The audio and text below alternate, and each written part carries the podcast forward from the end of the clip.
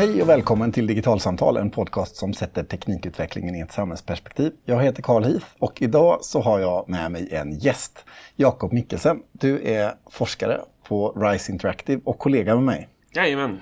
Hej Carl, kul att vara med. Ja, jätteroligt. Jag och Anders har länge pratat om att ha ett avsnitt som handlar om AR och VR och det finns massor av begrepp. Och varför gå över ån efter vatten, tänker jag då, eftersom du jobbar med alla de här sakerna och vad det, vad det handlar om. Vad, om man skulle börja någonstans, vad fick dig att intressera dig för att börja forska inom AR och VR och, och hela det här området? Ja, jag har ett stort så här, grundintresse för spel egentligen från början. Och eh, nu när eh, det har ju kommit upp mycket på tapeten igen, det här med virtual reality Eh, efter att det var lite av en fluga på, på 90-talet. Så när jag fick börja prova de här nya headseten som började komma, till exempel Oculus Rift, som ni kanske har talas om, så eh, kände jag att nu är verkligen tekniken här. Nu, eh, nu kan man faktiskt göra riktigt häftiga spelupplevelser först, tänkte jag. Men allt eftersom så har jag blivit väldigt inspirerad av fler användningsområden för den här tekniken.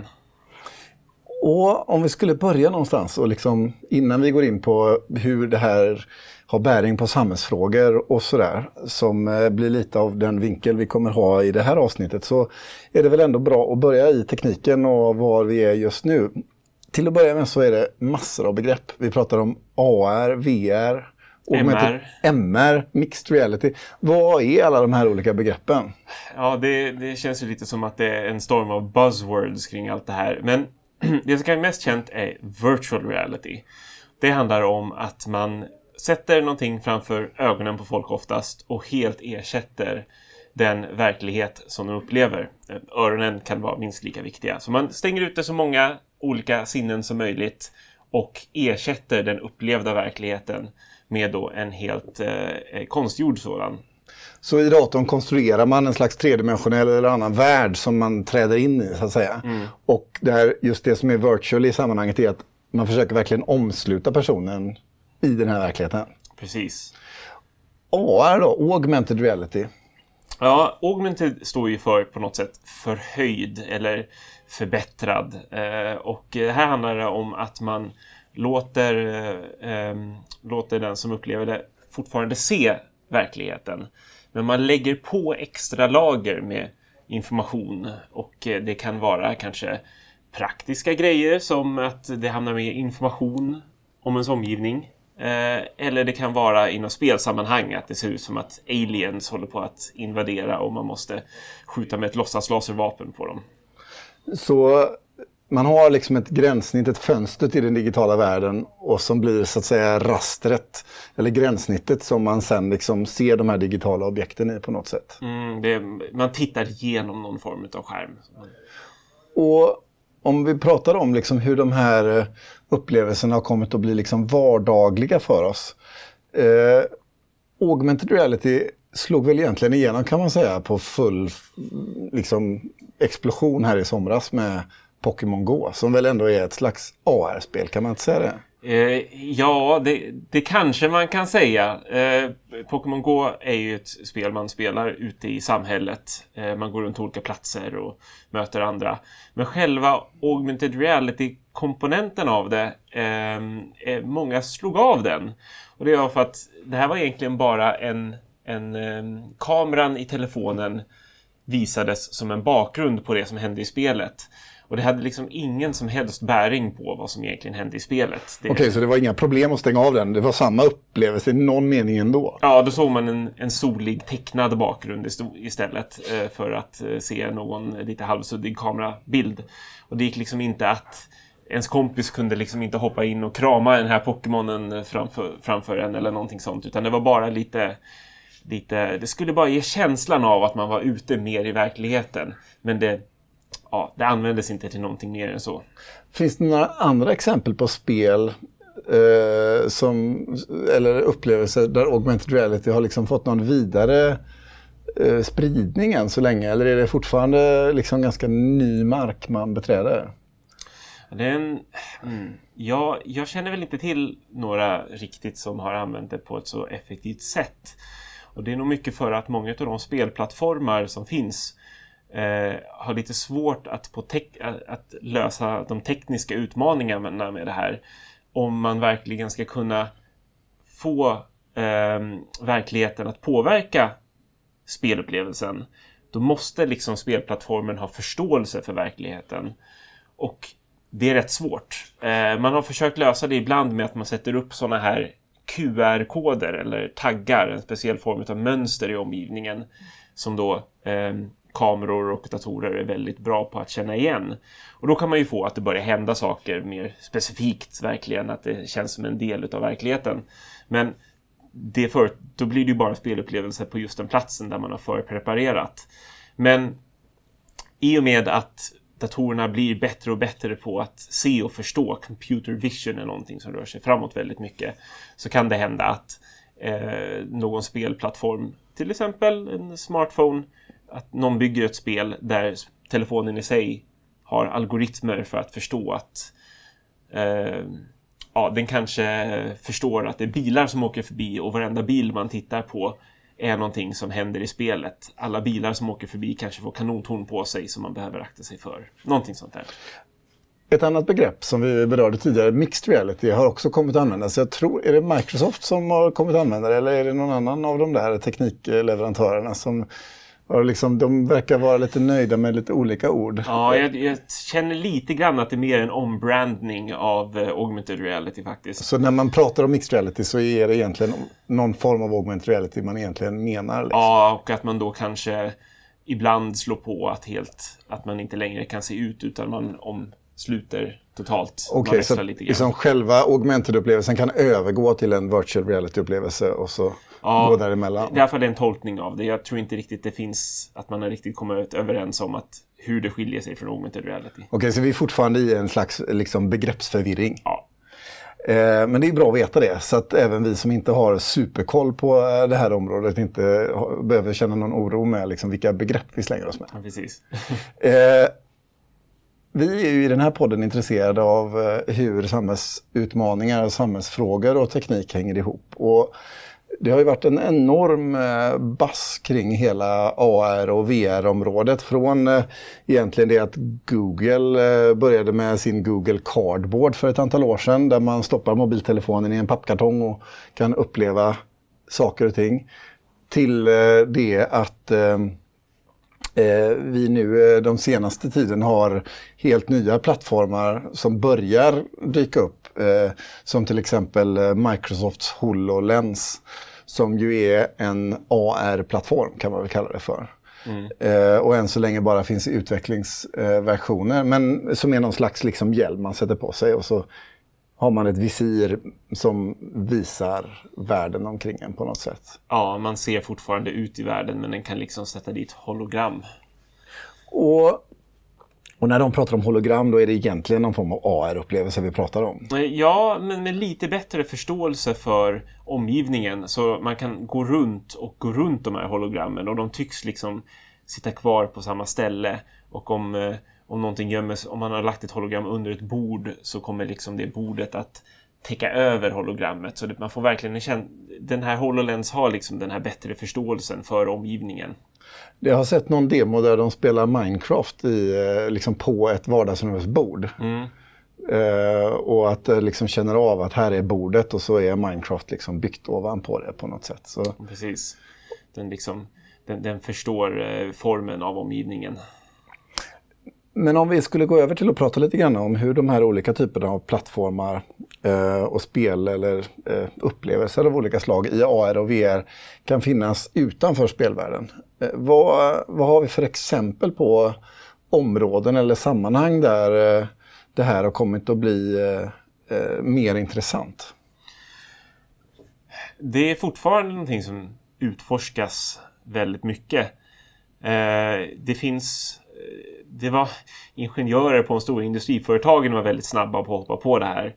Eh, jag har hört både från till exempel Volvo och Scania att man använder eh, virtual reality-verktyg för att till exempel skapa modeller av förarmiljöer och då kunna experimentera mycket snabbare än att bygga en plast mockup så flyttar de bara runt lite reglage och sen så sätter de sig där med hjälmen på sig, känner att de sitter plötsligt på motorvägen i en lastbilshytt och kan liksom fnuppla med alla olika reglage och känna hur det känns att sträcka sig efter dem. Aha, okej, okay. så istället för att liksom behöva bygga upp en fake eh, lastbilshytt varje gång man vill pröva ett nytt koncept så gör man det virtuellt och så liksom ökar man sin utvecklingshastighet. Det är mm. då det som är tanken. Precis, man kan öka, man kan snabbt ändra någonting och testa igen och testa igen. Och det där känner vi väl igen från många andra tekniker och teknologier också som dyker upp. Att eh, ofta så är det just i den här typen av liksom utvecklingsfaser och sånt där mm. som, som den hittar hem först. Kanske. Ja, de som redan försöker hålla sig lite up to date med vad som, de nya, nya tekniken som kommer. Eh, men ehm, eh, till exempel har vi också hört från eh, liksom medicin till exempel, att det är kirurger som, eh, som blir intresserade av att använda tekniken för att bättre kunna visualisera inför ingrepp. Att man eh, tittar på till exempel eh, skanningar utav eh, ben eller andra kroppsdelar och vrider och vänder, testar att göra virtuella snitt för att se hur det då kommer se ut i genomskärning och bara skaffa sig en bättre uppfattning innan det väl, patienten väl ligger på bordet och de börjar skära. Så det är liksom inte bara inom liksom lastbilsproduktion som den här typen av liksom att testa sig fram eller ha en virtuell modell som man kan jobba med eller förstå en miljö bättre, utan det kan finnas inom många branscher helt enkelt. Medicin som, som mm. en annan bransch och, och säkerligen flera till. Just den här aspekten av att visualisera något och verkligen känna intuitivt att det finns där framför en. Det kan underlätta i att liksom, man får en erfarenhet som man sen har hjälp av senare i verkligheten. Det finns ju en hel genre av eh, AR och VR där man så att säga har jobbat med eh, att använda den här teknologin för mer empatiskapande upplevelser. Jag mm. tänker på eh, det fanns ju det här Barcelona eh, researchkollektivet To Be Another Lab som gjorde AR och VR-upplevelser där man hamnade i kroppen av en annan människa och fick så att säga uppleva världen ifrån deras vy. Och det finns säkerligen flera andra sådana där. Det finns massor av dokumentärfilmer som har gjorts där man just jobbar mycket med att den här tekniken eh, ska förstärka känslan av att man har mött någon och försöka skapa mer empati. Och det här forskningsfältet gissar jag är väldigt nytt för hur, liksom vilken effekt det här egentligen har och hur det ser ut och sådär. Ja, jag känner inte tillräckligt själv några konkreta resultat men det, det gjordes en svensk kortfilm om blodförgiftning om man mötte någon som som eh, fick halsfluss och sen vaknade upp på akuten med massor av lemmar amputerade. Och man fick möta henne och eh, följa hennes liksom, kamp och hennes ändå positiva syn på livet. Och eh, den har vunnit alla möjliga priser och jag känner väl själv att det absolut kändes betydligt mer som ett möte med en människa där man var i samma rum snarare än att det var distansen man annars får genom skärmen. Men jag känner inte till så mycket faktisk eh, forskning kring det. Resultat. Och, och, den här typen av liksom mer rumsligt orienterade upplevelser, det har vi sett också i sådana här Google Cardboard-exempel. Eh, Eh, Unesco gjorde väl någon film, uh, vill jag minnas, kring flyktingläger i Syrien. Mm. Och det finns uh, Utbildningsradion som gjorde en mobbingfilm för Google Cardboard i höstas och sådär. Så, så det finns, det är en flora kan man väl säga av aktörer som utforskar just de här empatiorienterade fälten. Men du var inne på ett område, det var det här med liksom, i vilken grad det här funkar eller transfer eller hur man mm. nu kan uttrycka det. Vad, vad tänker du kring det? Liksom, är det här en ny lösning för alla utbildningens problem? Det, det är ju problematiken där kring man, ju, för vissa saker kanske tekniken funkar bättre för att det verkligen blir någon form av solid transfer av erfarenheten man har fått i det virtuella till verkligheten. I andra fall kanske det är mer krystad koppling.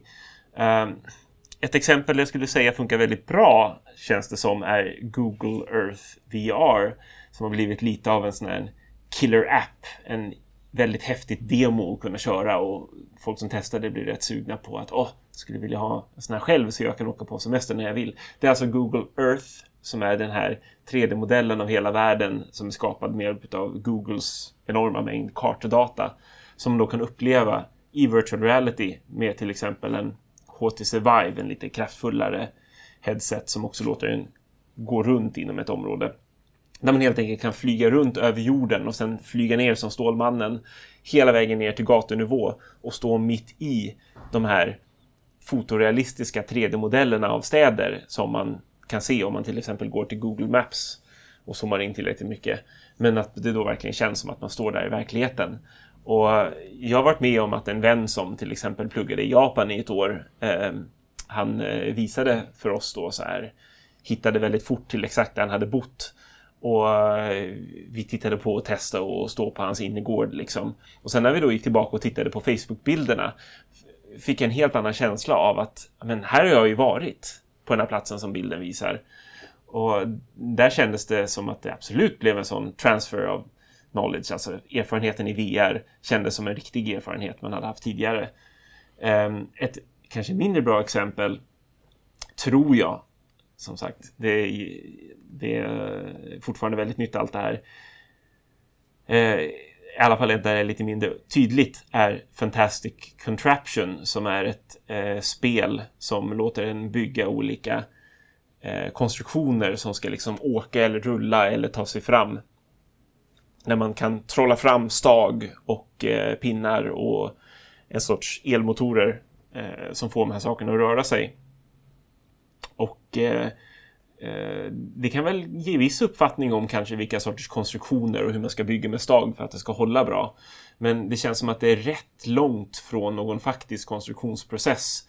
Att när man väl när man, man bygger en god kart i, i, den, eh, i det spelet och sen när man går in i verkstaden och ska bygga den på riktigt så blir det så väldigt avlägset. Det blir så mycket andra små detaljer man grottar ner sig in i verkligheten. Att... För själva materialets liksom, förutsättningar inte riktigt låter sig översättas i VR-miljön än? Eller? Jag känner det, men det kan ju kanske ge lite förståelse för att man kanske ska korslägga vissa stag och sådär när man bygger det här i verkligheten. Okej, okay, så vissa specifika processer i en sån konstruktionsprocess kanske blir förstärkta men ja. det är fortfarande liksom inte tydligt exakt hur, hur väl det funkar. Mm. Jag fick ju själv pröva den här eh, Google Earth eh, VR eh, och eh, hade en himla trevlig stund när jag liksom flög som Stålmannen mellan skyskrapor i New York.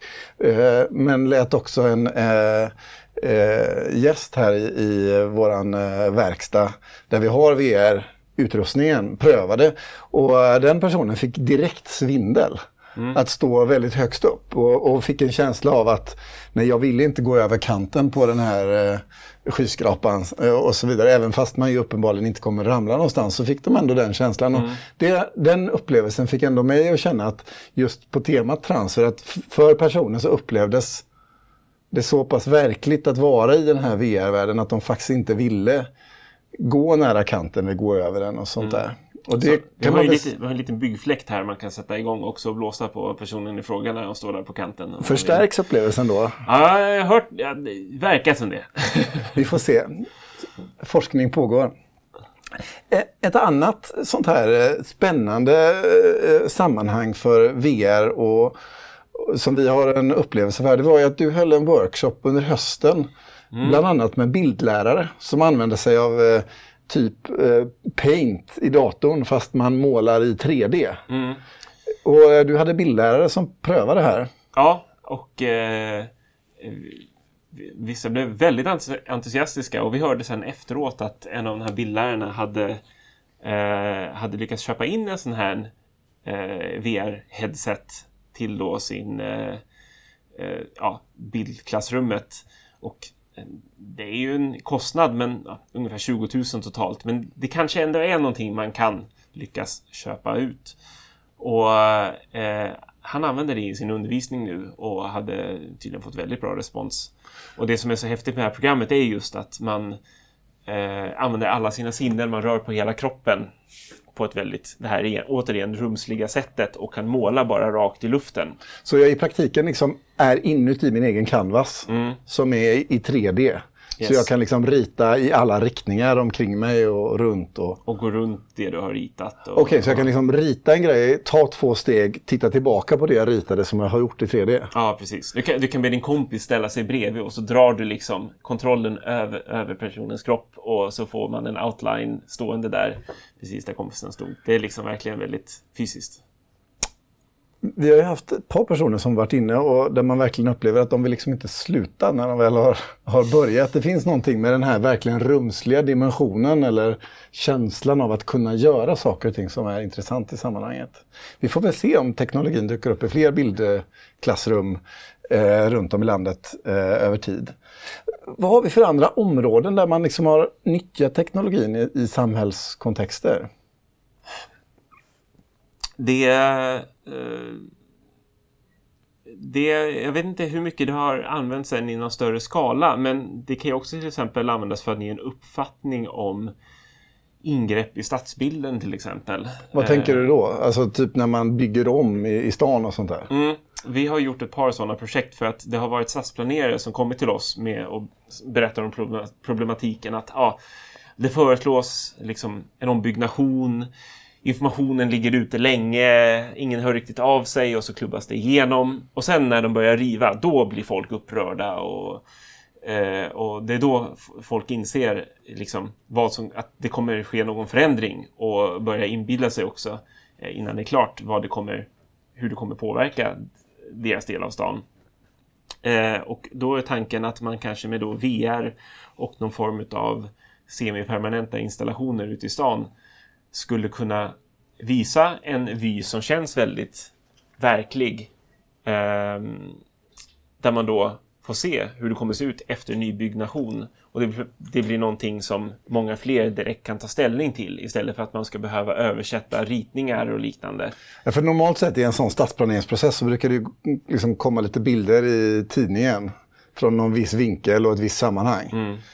Och eh, de brukar vara rätt dassiga om man ska vara krass. Men här i det här fallet så kan man liksom se den nybyggda Slussen eller vad det nu är för ett område som liksom, det är en stor diskussion kring. Mm. Och se det från olika vinklar eller promenera runt i området själv innan det är byggt och, och bilda sin uppfattning. Ja, precis. Och eh, vi, eh, vi här på Rise Interactive, vi körde en, ehm, en workshop med skolklasser där vi byggde en liten sån kikare kan man kalla det för. Men man kunde ta med den i en ryggsäck ut och stå på torg och så. Och så fick vi en eh, arkitekternas framtidsvision i form av en 3D-modell som då skolklasserna fick gå ut och se på plats. Och sen efter det fick de eh, rita på papper med utgångspunkt från olika vyer från den här platsen, hur de skulle vilja att platsen såg ut.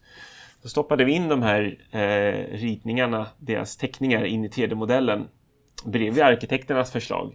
Och så fick arkitekterna i sin tur ta del av det här materialet. Så, eh, och det här är liksom en, en, ja, man kan väl egentligen säga att det är en ny typ av medborgardialog helt enkelt. Mm. Alltså att göra det möjligt för arkitekten att se liksom unga medborgares förslag i den här VR-miljön med teckningarna gestaltade i, mm. i den kontexten. Och eh, att göra det lättare för barnen då gissar jag att förstå hur det här faktiskt kommer att se ut. Mm. Vad tyckte barnen om upplevelsen? De tyckte det var väldigt häftigt. Det var, det var lite sådär, det var kanske lite för häftigt. Eh, det är ofta så att det liksom själva upplevelsen i sig av att titta in och titta åt ett håll plötsligt se en stor skyskrapa där liksom överskuggar lite uppgiften som de sen ska göra efteråt. Och det kanske inte kommer vara samma grej när fler och fler upplever VR och börjar känna att det är gammal skåpmat, utan då kanske det mer blir fokus på uppgiften. Men eh, det var ändå lyckat. Och, och arkitekterna, vad var deras reflektioner av att liksom möta det här nya? Ja, jag, jag får erkänna att jag inte varit jätteaktiv i den uppföljningsprocessen, utan eh, det materialet har tagits vidare. Eh, men eh, det eh, de har tyckt det varit häftigt de gångerna jag har varit med. och, och jag tänker att eh, det här är ju jättemånga olika typer av, av tillämpningar. Vi har pratat om flera olika typer av liksom, kultur gestaltning och sådär. Men hur, hur mäckigt är det idag att göra VR? Alltså, du gör ju de här världarna mm. och bygger både hårdvara i vissa fall men också liksom det, som är, det som man ser, mjukvaran inuti den. Hur lätt eller svårt är det att jobba med det här idag? Är vi liksom precis i början av någonting eller börjar det mogna? Eller var befinner vi oss vad gäller AR och VR? Ja, jag, skulle vilja säga att det precis har börjat eh, mogna liksom, verktygen. Det har varit rätt trögrott med mycket egna lösningar och liksom i stort sett, man behöver absolut vara utvecklare på något sätt. Gärna spelutvecklare just, det är mycket samma sorts eh, kunskap som man behöver använda för att kunna skapa de här upplevelserna. Men nu ser vi att eh, det är flera som släpper lösningar där man kanske inte behöver vara just utvecklare för att skapa för att göra storytelling i VR till exempel. Alldeles i veckorna har GoPro släppt mjukvara som låter en beskriva eh, beskriva sin upplevelse med hjälp av ett sorts recept snarare än att man faktiskt går in och kodar en massa grejer. Så man någonstans liksom rent tekniskt gör det lättare för fler att få möjligheten att utveckla den här typen av, av mm. teknologier helt enkelt? GoPro är intresserad av det för att de ser att mycket av det de säljer är användbart om man vill göra, göra en berättelse i, som är allomslutande i och med att de har kameror som filmar väldigt brett i häftiga situationer och eh, drönare som kan ta häftiga flygfoton och så vidare. Så de har ett intresse av att göra den här typen av berättande lättare att sprida. Och det ska också sägas att det de, eh, de och många andra satsar på mer och mer nu är att man ska kunna göra VR-upplevelser man kan uppleva direkt från sin webbläsare. Eh, så istället för att man behöver ladda ner en app eller ett program på datorn så går man bara in på en hemsida och så slår liksom webbläsaren över till ett VR-läge och så kan man sätta på sig sin Oculus Rift eller stoppa in sin telefon i sin cardboard. Eller och så det liksom själva hårdvaran blir mindre viktig för mjukvaran kan liksom funka på många olika sammanhang. Ja, eh, i, med, i det får man också att man då kan göra en, en upplevelse som funkar på många olika ställen utan att du ska behöva göra ett program och skicka det till Oculus eller lägga upp i App Store eller sådär. Det blir liksom mycket lättare att, att skapa en historia som folk kan ta del av. Och nu idag så har vi ju liksom ett antal av de här billigare mobila plattformarna. Google har precis släppt, vad heter det, Google Daydream va? Ja, så... som, är, som, som är deras förbättrade eh, Cardboard och som också ska vara lite trevligare att använda längre. Cardboard var ju ett, ett litet headset med två linser i som du satte din telefon i och så kunde du se liksom i, i 3D och titta runt runt dig. Eh, Medan Daydream jobbar mycket mer med att eh, ge en upplevelse av bra kvalitet där det verkligen känns som att du är på plats. Det är med bra komfort. Och det är lite tanken att det ska vara som kanske någonting man tar med sig på en lång flight som en sovmask. Den är faktiskt gjord av väldigt trevligt tygmaterial som ett par mjukisbyxor nästan. Som man då spänner fast för ögonen när man har, vill ha lite privat och, och så den här typen av plattformar finns. Och sen finns de lite dyrare som du beskrev som Oculus och HTC Vive som kostar en 10-20 tusen eller någonstans där i häraden. Och, och Playstation har lanserat en plattform mm. som är liksom mitt emellan kan man väl säga. Ja. Och kostar några tusenlappar och som man behöver ha sin Playstation till. Ja, så det, det är rätt mycket spridning där. Men det som...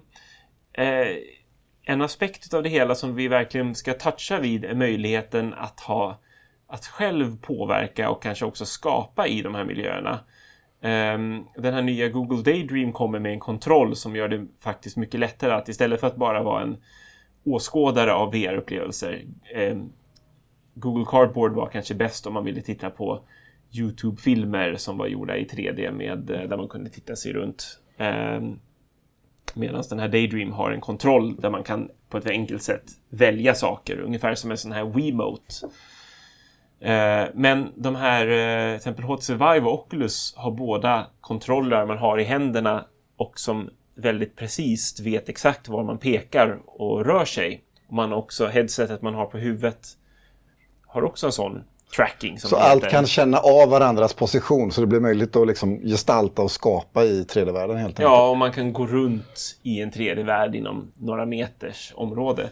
Mm. Och det här öppnar ju upp möjligheten att faktiskt som vi snackade om tidigare med det här Tilt Brush, Paint i 3D. Att skapa saker i VR-miljöer. Och eh, det är jag nog nästan mest intresserad utav. Eh, vad VR har för möjlighet att bli ens verkstad. Det kanske är så att man som eh, 3D-modellerare nu för tiden, de sitter länge framför en vanlig skärm de har väldigt mycket specialkunskap i just hur det 3D-modelleringsprogrammet de använder, hur det funkar. Maja är ett sådant program och det krävs många års erfarenhet för att verkligen lära sig det programmet ordentligt. Veta hur man ska åstadkomma de här olika grejerna man gör när man formar sin 3D-modell, när man lägger på ljus, när man väljer vilka egenskaper ytmaterialet ska ha. Allt möjligt. Men det du är inne på nu det är att man helt enkelt gör allt det där i världen som man befinner sig i. Så att Ja, man liksom ritar och skapar med kroppen och bygger hus och drar upp, eller vad det nu är. Man... Ja, istället för att sitta och kunna, ha en, all den här specialkunskapen i just det här programmet som är väldigt långt från verkligheten. Så tar man på sig headsetet och så går man in i en slöjdverkstad där man mejslar ut eh, sin skapelse ur sten eller man bygger upp den med lera. Eller man använder de här eh, fysiska metaforerna som, som våra hjärnor har mycket lättare att ta till sig. Eh, som man kan ha erfarenhet av från verkligheten. Så det blir en transfer från verkligheten in i VR istället. Och, och med den typen av utveckling där vi både kan liksom skapa och vara i de här sammanhangen. Liksom hur lång tid tror du det kommer ta innan den här typen av teknologi blir mera vardag runt omkring oss? Jag tror att det. Eh, jag ser att det kommer bara ta ett eller två år tills i alla fall de som arbetar inom de här fälten och skapar med de befintliga verktygen att det börjar bli väldigt vanligt i de sfärerna att de använder de här VR-verktygen istället. Så istället för att man sitter på jobbet framför sin skärm så står man i ett rum och grejar med saker i händerna. Det ser lite töntigt ut först, men det tyckte ju folk om handsfree också när den kom, att det var ett, eh, att det såg jättemärkligt ut. Ja, jag tror faktiskt att man kommer se mer och mer där man använder den här fulla kroppskontrollen för att hantera sina, eh, sina program. Och nu pratade vi ju om det med sådana här skapande program, men eh, se om jag kommer på några bra exempel. Det finns säkert många andra tillämpningar där man gör saker på datorn som också skulle kunna bli bättre av att man styr dem mer i fler dimensioner än Jag bara tänker en bara en sån mus. sak som att nu sitter jag framför en, en, en 12-tumsskärm eller vad det kan vara för någonting.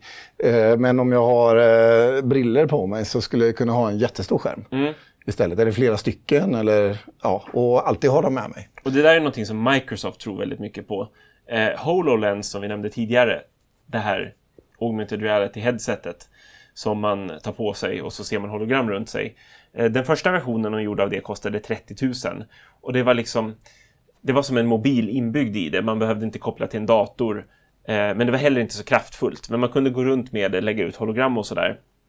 Det som kommer hända i år som är väldigt spännande är att Microsoft kommer stoppa in ett sånt holografisystem i vanliga Windows. Och många utav de vanliga program man använder på sin Windows-dator kommer stödja det. Samtidigt så kommer fler tillverkare börja släppa billigare versioner av det här headsetet som bara kostar kanske 2-3 tusen som du då kopplar in i din vanliga arbetsdator. Ah, så helt plötsligt skulle jag ju kunna ha ett tangentbord och ett par briller. Det är det du säger? Ja, och, eller kanske din vanliga dator men att du plötsligt börjar få liksom att hela din vägg, hela din, hela din arbetsmiljö framför dig kan du börja dra ut fönster från din datorskärm så hänger de kvar där i verkligheten. Ah, ja, det ser jag verkligen fram emot. Jag upplever alltid att jag har för lite plats. Eh, Men nu har jag då en helt ny skön digital värld som snart kommer omge mig helt enkelt. Ja, och du behöver bara ha på dig ett par halvfula brillor för att uppleva den. Den eh, verkligheten tror jag att jag eh, ser fram emot. Jättetack eh, Jakob för att du var med i dagens digitalsamtal. Jättekul. Med det här så är dagens podcast slut. Surfa gärna iväg till Facebook och gilla vår sida Digitalsamtal. Där vi också postar alla avsnitt och annat. Vi finns även i Facebookgruppen Digital samhällskunskap där ni gärna får gå in och diskutera våra samtal. Har ni en fråga så hör gärna av er. Vi finns eh, som sagt på Facebook, på Twitter är vi på ett digitalsamtal. Om det är så att ni prenumererar i någon form av poddspelare någonstans så recensera och betygsätt oss gärna så vi hamnar högre upp i sökresultat och fler har möjlighet att hitta till oss. Så till nästa gång, hej då!